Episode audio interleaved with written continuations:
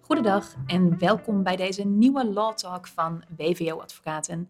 Mijn naam is Patricia Wijmans en bij mij zit mijn collega Pascal Willems. Welkom. Pascal. Hallo. Hi, wij gaan het vandaag over een leuk onderwerp hebben en ook een heel actueel onderwerp, namelijk de stekkerwerkwijzer arbeidsconflicten. Nummer 7. Nummer 7. En Pascal, voordat wij beginnen met hem, willen natuurlijk graag weten en graag ook vertellen wat, ehm, wat er gewijzigd is in deze nieuwste versie. Maar eerst maar even bij het begin beginnen. Wat is de stekkerwerkwijzer arbeidsconflicten precies? Ja, je zegt wel, het is een werkwijzer. Hè? In de praktijk hoor je wel eens over de stekkerrichtlijn. Het is dus een werkwijzer. Eh, om even wat te vertellen, Stekker is een eh, stichting die nu onderdeel uitmaakt van Capabel Hogeschool in Utrecht. Eh, en die is destijds, dan hebben we het over rond 2000, opgericht om allerlei arbeidsmarktvraagstukken vanuit ehm, ja, een soort best practice benadering eh, te bespreken door allerlei deskundigen. Eh, anders dan bij veel richtlijnen waar een wetenschappelijke basis onder ligt, is bij Stekker echt de bedoeling om een, een situatie, een probleem, in dit geval arbeidsconflicten, vanuit de praktijk, ervaringen en de kennis die daar is te benaderen. En daar dus een soort ja, richting voor te bepalen. Ja. Ehm, wat dus meteen het onderscheid is van een formele richtlijn. Want een formele richtlijn is vaak dus gebaseerd op ja, wetenschappelijk, dus evidence-based materiaal. En dat Ja. is bij Stekker dus niet het geval. Dit is veel praktischer. En bij de vorige versies, ehm, die waren vooral geschreven vanuit, ja, zou je kunnen zeggen, het perspectief van de bedrijfsarts. Omdat bij de beschrijving van het arbeidsconflict stond een spreekuur centraal waarbij mogelijk sprake was van een arbeidsconflict. Ja. Dat leidde destijds tot wat oneenigheid met de NVAB, de Vereniging voor eh, Arbeids- eh, en Bedrijfsgeneeskunde. Ehm, en die hebben toen uiteindelijk, nou dat is opgelost, er is een eigen richtlijn voor bedrijfsartsen gekomen. Ehm, en bij het schrijven van deze stekkerwerkwijzer is ook iemand betrokken geweest, een bedrijfsarts, die aan die richtlijn heeft meegewerkt. Ja. Om te zorgen dat er ja, geen conflicten meer zitten tussen beide documenten. En dat was een van de dingen die ook bij de presentatie door een, een eh, aanwezige werd vastgesteld, dat er heel veel overlap is. En dat is natuurlijk ook zo. ja, nou ja, dat is ook de bedoeling, toch? Precies. Maar de stekkerwerkwijzer is dus eigenlijk geschreven voor iedereen die in zeg maar, de arbeidsrelatie te maken heeft met een arbeidsconflict. Dus niet primair de bedrijfsarts, Maar ook de werkgever dus. zeker de werkgever, maar ook de werknemer, belangenbehartigers, iedereen. Ja. En eh, dat is meteen een belangrijk verschil met de vorige versie, is dat hier niet zozeer een spreekuur centraal staat waarbij mogelijk een arbeidsconflict speelt, maar het arbeidsconflict aan zich staat centraal. En betekent dat dan ook dat het arbeidsconflict, eh, dat er al aandacht wordt besteed aan bijvoorbeeld de voorfase? Hè? Want waar de vorige stekkerwerkwijzer van uitging, is er is een ziekmelding, je komt op een consult. Wordt er nu al meer in de voorfase aandacht besteed aan het arbeidsconflict? Juist zou ik bijna zeggen. Ehm, omdat het arbeidsconflict, het bestaan van een arbeidsconflict hier centraal staat, hè, ehm, wordt er gekeken van is dit, ehm, nou ja, wat, wat heeft ertoe geleid en ook hoe kan je het voorkomen, hè, de preventiekant. Daar is in deze werkwijze heel veel aandacht aan besteed. Ook aan de theorie daarachter. Hoe kan je arbeidsconflicten voorkomen? Eh, welke eh, elementen of gebeurtenissen in een arbeidsrelatie eh, zorgen ervoor dat een arbeidsconflict eerder kan ontstaan?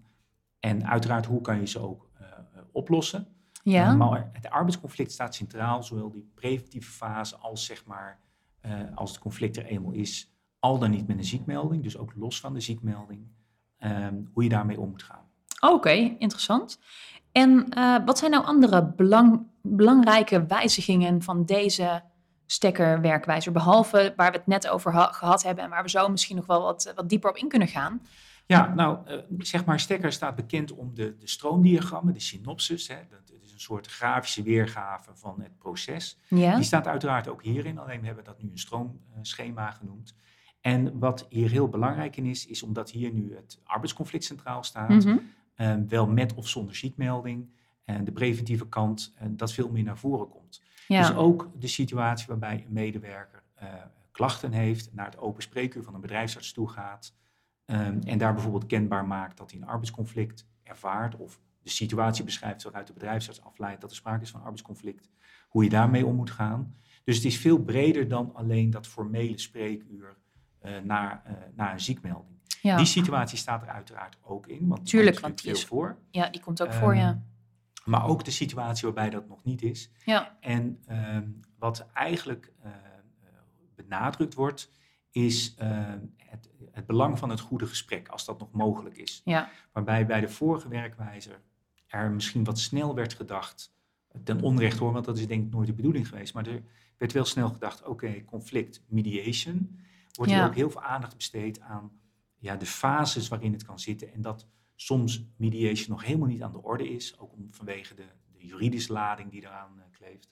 Maar dat je dus veel meer moet kijken naar, uh, nou ja, is het goede gesprek nog mogelijk? Ja, precies. En, en wat kan een leidinggevende daar bijvoorbeeld uh, aan doen?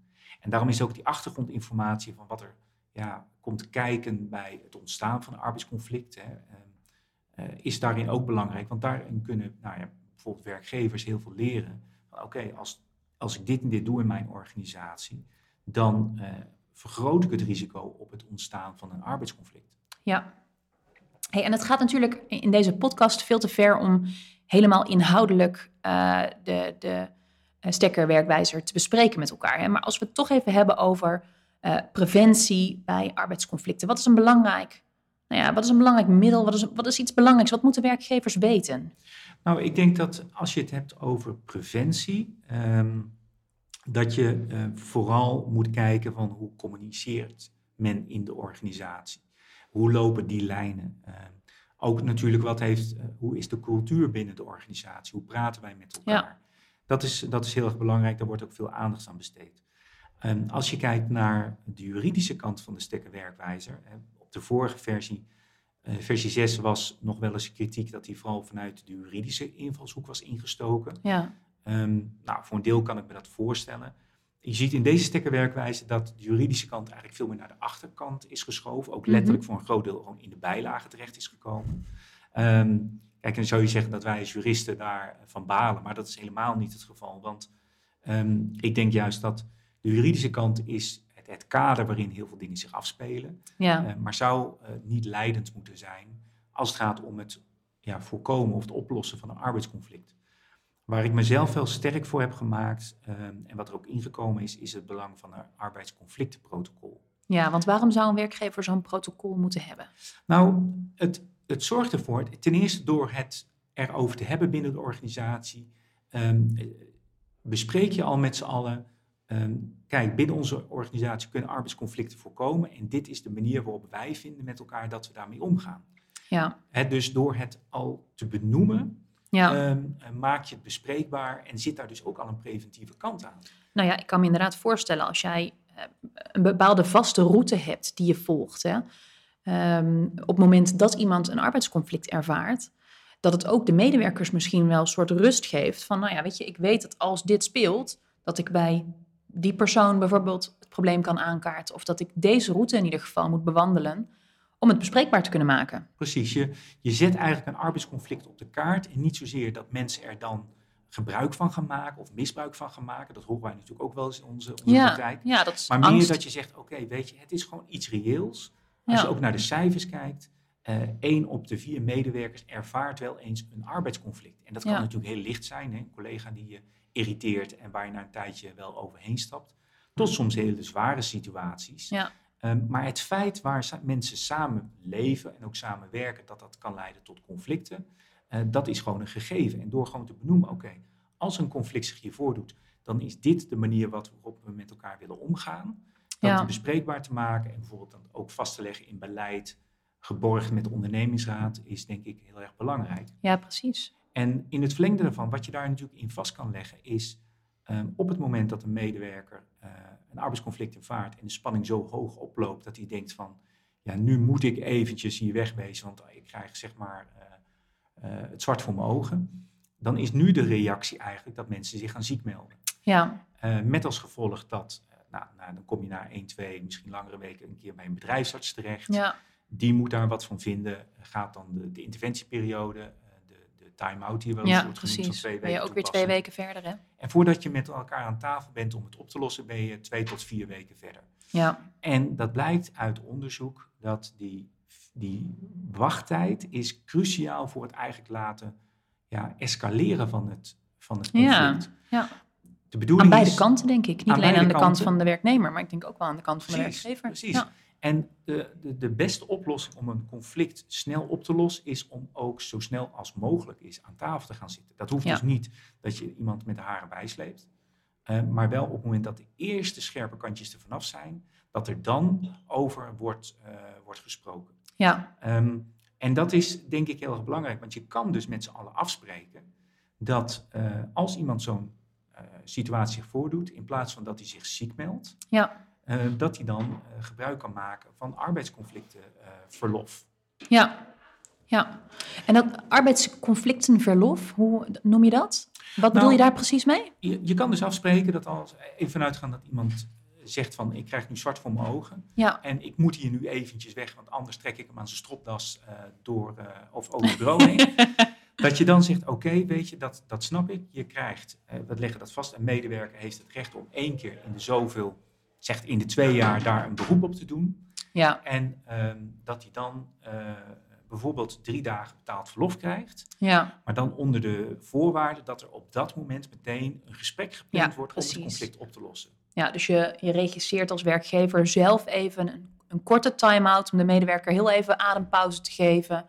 Maar vervolgens wel met elkaar aan tafel te gaan om Ja, het eh, probleem En te bespreken. Dat geeft die medewerker de mogelijkheid om even op adem te komen. En die voelt zich ook gehoord. Hè? Je, je- Ja. Nou, die voelt zich denk ik ook serieus genomen. Ja, Precies. Eh, maar niet onvoorwaardelijk. Over drie dagen moet je aan tafel zitten om het Ja. op te lossen. Ja. En die drie dagen zorgen er wel vaak voor dat de, de ergste spanning er misschien een beetje af is. Dat hoop je. ja, Eh, maar dat er ook over nagedacht wordt eh, van nou, wat is die precies de situatie. En na die drie dagen, zeker onder begeleiding van bijvoorbeeld een, een deskundige of een externe, die daar wat we dan noemen het vertrouwen van beide partijen geniet, dat je dan het gesprek aangaat. Ja. Dat, kan, dat kan een mediator zijn als het conflict al hoog is opgelopen. Eh, dat kan ook een vertrouwenspersoon zijn of iemand ja. anders. Of een externe vertrouwenspersoon. Of, ehm, Precies. En Ja. zeker als je zo'n arbeidsconflictenprotocol ook afstemt met de arbodienst of bedrijfsarts, afhankelijk van eh, waardoor je wordt bijgestaan, ehm, die, die krijgt bijvoorbeeld ook ruimte in zo'n protocol in de situatie dat de medewerker zich toch ziek meldt. ja, precies. Maar die bedrijfsarts zegt van ja, ik zie eigenlijk geen reden om ziekte aan te nemen. Ja, er is geen sprake van medische arbeidsongeschiktheid. Het is puur dit Precies. conflict. Echt een conflict. Waarbij je dan ook bedrijfsartsen ziet worstelen. Hè, van ja, wat moet ik daar nou mee? Ik wil ze wel even wat ruimte geven. Dus ik zeg van, er is geen sprake van ziekte. En over twee weken kan je weer aan de slag. Ik noem maar eventjes wat. Ja, Als je dus in de organisatie al eigenlijk de paden hebt afgestemd van, daar gaan we zo mee om. Dan kan die bedrijfsarts ook zeggen van, ja, ik, ik moet beoordelen of je ziek bent. Je bent niet ziek. En binnen deze organisatie betekent het dat arbeidsconflicten worden gewoon zo snel mogelijk besproken. Ja. En daar Ja. hebben we een, een mediator voor of een, iemand die daar is. ja Dus wat precies. ik doe, mijn is advies is om die meteen in te zetten. Ja. En het zou natuurlijk helemaal mooi zijn als zo'n bedrijfsarts eh, dat meteen al zou kunnen eh, boeken, noem ik maar, or- eh, organiseren. Ja, precies, precies. Dat zou het meest efficiënt zijn voor iedereen als dat op die manier samen kan gaan. Ja, klopt. Leuk, Pascal. Interessant. En zo'n arbeids, eh, eh, nou ja, arbeidsconflictenprotocol, dat ehm, kunnen werkgevers dat zelf maken? Is het handig dat ze daar ondersteuning bij krijgen? En hoe zie jij dat voor je? Nou ja, eh, wij krijgen natuurlijk best vaak die vraag. Ehm, en wat er vaak achter zit, eigenlijk een beetje tot mijn teleurstelling, is mensen denken, waar kan ik dat downloaden en kan ik dat Ja. even fixen? Het gekke is, ehm, ik, ik geef al heel wat jaren cursussen over arbeidsconflicten. Ik benoem dit ook al een tijdje als een van de methoden die je kan inzetten. Het is echt niet eh, het wondermiddel hoor, dat, eh, en dat lost ook niet elk conflict op, maar het draagt bij aan, denk ik, nou ja, ik noem het wel eens een klaagmuur voor medewerkers. Waar kunnen ze hun ontevredenheid kwijt? Hè? Dat, dat kan een, eh, bijvoorbeeld een arbeidsconflictenprotocol zijn. Dat kan een situatie zijn waarbij je misstanden wilt melden, een klokkenluidersregeling, medewerkerstevredenheidsonderzoek. In dat kader moet je dat, dit, dit denk ik zien. Ehm, daar, voor dat soort dingen zijn natuurlijk wel aandacht, maar zo'n arbeidsconflictenprotocol, ondanks alle keren dat ik daar heb geprobeerd een lans voor te breken, ehm, daar, daar is vrij weinig aandacht voor geweest. En Ja, ik denk dat misschien dat nu verandert, omdat nu met ongewenste omgangsvormen en alles, daar houdt een beetje ook in het verlengde mee. hiervan, Ja. daar is nu ook aandacht voor om daar beleid op te maken. Dus Ja. misschien nu wel. Eh, maar het is er eh, vrij weinig. Ehm, en daarom eh, hebben we nou ja, als WVO-advocaten samen met HERA Inzetbaarheid eh, het kenniscentrum arbeidsconflicten opgericht. Waarbij eh, werkgevers zich kunnen aansluiten, of eventueel soms via de arbodienst, ligt aan de arbodienst die je hebt. waarbij je direct toegang krijgt tot een online portal, Mhm. waarbij je ook een arbeidsconflictenprotocol krijgt. Die kan je eventueel ook nog op maat laten maken. Ja. En het grote eh, voordeel is dat je ook een grote naslagbibliotheek krijgt, waarbij ja, wij gaan ook de jurisprudentie daarover bijhouden. Ehm, dus dat wordt elke keer geüpdate. Maar ook de mogelijkheid om meteen een mediator of conflictcoach te boeken. Ja, Want dat is wat we in de praktijk nog wel eens zien, is dat werkgevers zeggen, ja, maar dan moet ik op zoek naar een mediator en waar vind ik die? En is Ja. die dan wel beschikbaar? En omdat juist dat snelle handelen eh, van belang is, hebben we eh, bedacht van, ja, dan moet je dus eigenlijk een beetje eh, een systeem hebben waarbij je meteen iemand kan, kan boeken. ja, Eh, Ja. En dan wel een professionele eh, arbeidsmediator, dus een mediator die daar echt ervaring mee heeft. ja. We gaan ook zorgen voor een stukje kwaliteit eh, voor dat soort mediators, zodat je ook weet van als we daar eentje boeken, dan zit dat Dan goed. is het een goede... eh, Precies. En dus zou je dan als werkgever, als je zo'n situatie hebt, hè, wat, ik, wat ik beschreef, ehm, kunnen krijgen dat die medewerker zich meldt, zegt ik wil arbeidsconflicten verlof opnemen. Ja. En dat dan de HR-medewerker zegt, nou dat is goed, het is de eerste keer, wat vervelend, met wie is het conflict? En we drukken nu op de knop, hey, we kunnen zien dat die en die mediator Ja, beschikbaar die is is. beschikbaar, die we plannen we meteen in. in zijde van de agenda de afspraak. Ja, En dat staat vast. En dan gaan we er ook de brieven bij maken. Dus dan kan je meteen het briefje invullen. Hoef je alleen maar de data en de namen in te vullen. ja. En daarmee zorg je dat het, eh, de medewerker zich gehoord voelt. Ja. Hij krijgt betaald krijgt verlof. even adempauze betaald. Precies. Maar er is wel meteen een vervolgactie gepland. Precies, je houdt het ook buiten ziekte. Ervan uitgaande dat Ja. er geen ziekte is. Want ik Ja. vind, mocht er wel ziekte bij zijn, moet altijd die mogelijkheid er zijn om Ja. eh, iemand zich ziek te laten melden of zo. Maar je agendeert het en je agendeert ook vooral meteen de oplossingsrichting. Ja, ja, ik denk dat dat inderdaad heel, eh, heel hulpvol, of ja, tenminste heel, heel zinvol is. Ehm, en op welke website kunnen mensen eh, nou ja, dit, dit mooie project vinden? Nou ja, de, de Stekker werkwijzer is eh, te koop bij, eh, bij Stekker op de website van Stekker. Dat is volgens mij www.stekker. En Stekker is stecr.nl. Daar is die te downloaden na betaling of volgens mij fysiek te, be- te koop. Ja, Ehm, en eh, ons project, zullen we zeggen, ja, dat is eh kenniscentrum Ehm, en die website is live en die zal de komende tijd worden aangevuld. En dan, daar kunnen mensen in ieder geval ook informatie eh opvragen Ja. en zich aanmelden als ze geïnteresseerd zijn. Ja. En de komende maanden gaan wij dit verder eh, opzetten. Want je kunt je voorstellen, er zit best wel wat organisatie achter om eh, ja, zeg maar mediators of conflictcoaches te regelen. Dat is misschien ook wel leuk om te vertellen. We, we gaan niet alleen mediators aanbieden die zeg maar ook formele mediations aanbieden, maar ook wat wij dan noemen ja, de conflictcoach, daar hoorde ik je al eerder over, ja. Ja, en wat we ons daarbij voorstellen, dat is eh, dat, eh, kijk, als je een mediator hebt, dan klinkt het meteen zwaar. Ja, Maar soms heb je gewoon even iemand nodig, een, ja, we noemen dat wel eens een dorpsoudste. nou, een soort van mediator light. Ja, Ja, een dorpsoudste is misschien ook wel een leuke benaming. Een, een, een, een wijze eh, man of vrouw die met partijen eens gaat zitten met een kop koffie. Ja, Gaat zeggen, joh, weet je, wat is nou Ja. aan de hand? ja, precies. Het is Eh, meer bedoeld voor de situatie. Het is nog niet enorm geëscaleerd, maar er speelt wel echt iets. We zorgen even dat we een wijze meneer of mevrouw erbij zetten die jullie gewoon even aan de hand kan nemen en een beetje kan sturen in het kijken of er een oplossing mogelijk is. Ja, en zonder dat je per se gebonden bent aan de, ja, de formelere regels van mediation en alles Ja. wat ermee samenhangt.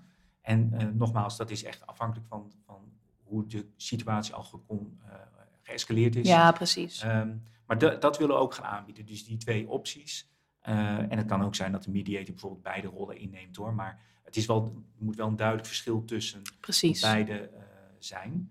Ehm, en dat wordt daar dan ook in, in aangeboden. Oké, interessant. Ik denk dat wij aan het einde van deze, van deze Law Talk zijn gekomen. Dank in ieder geval Pascal voor je toelichting.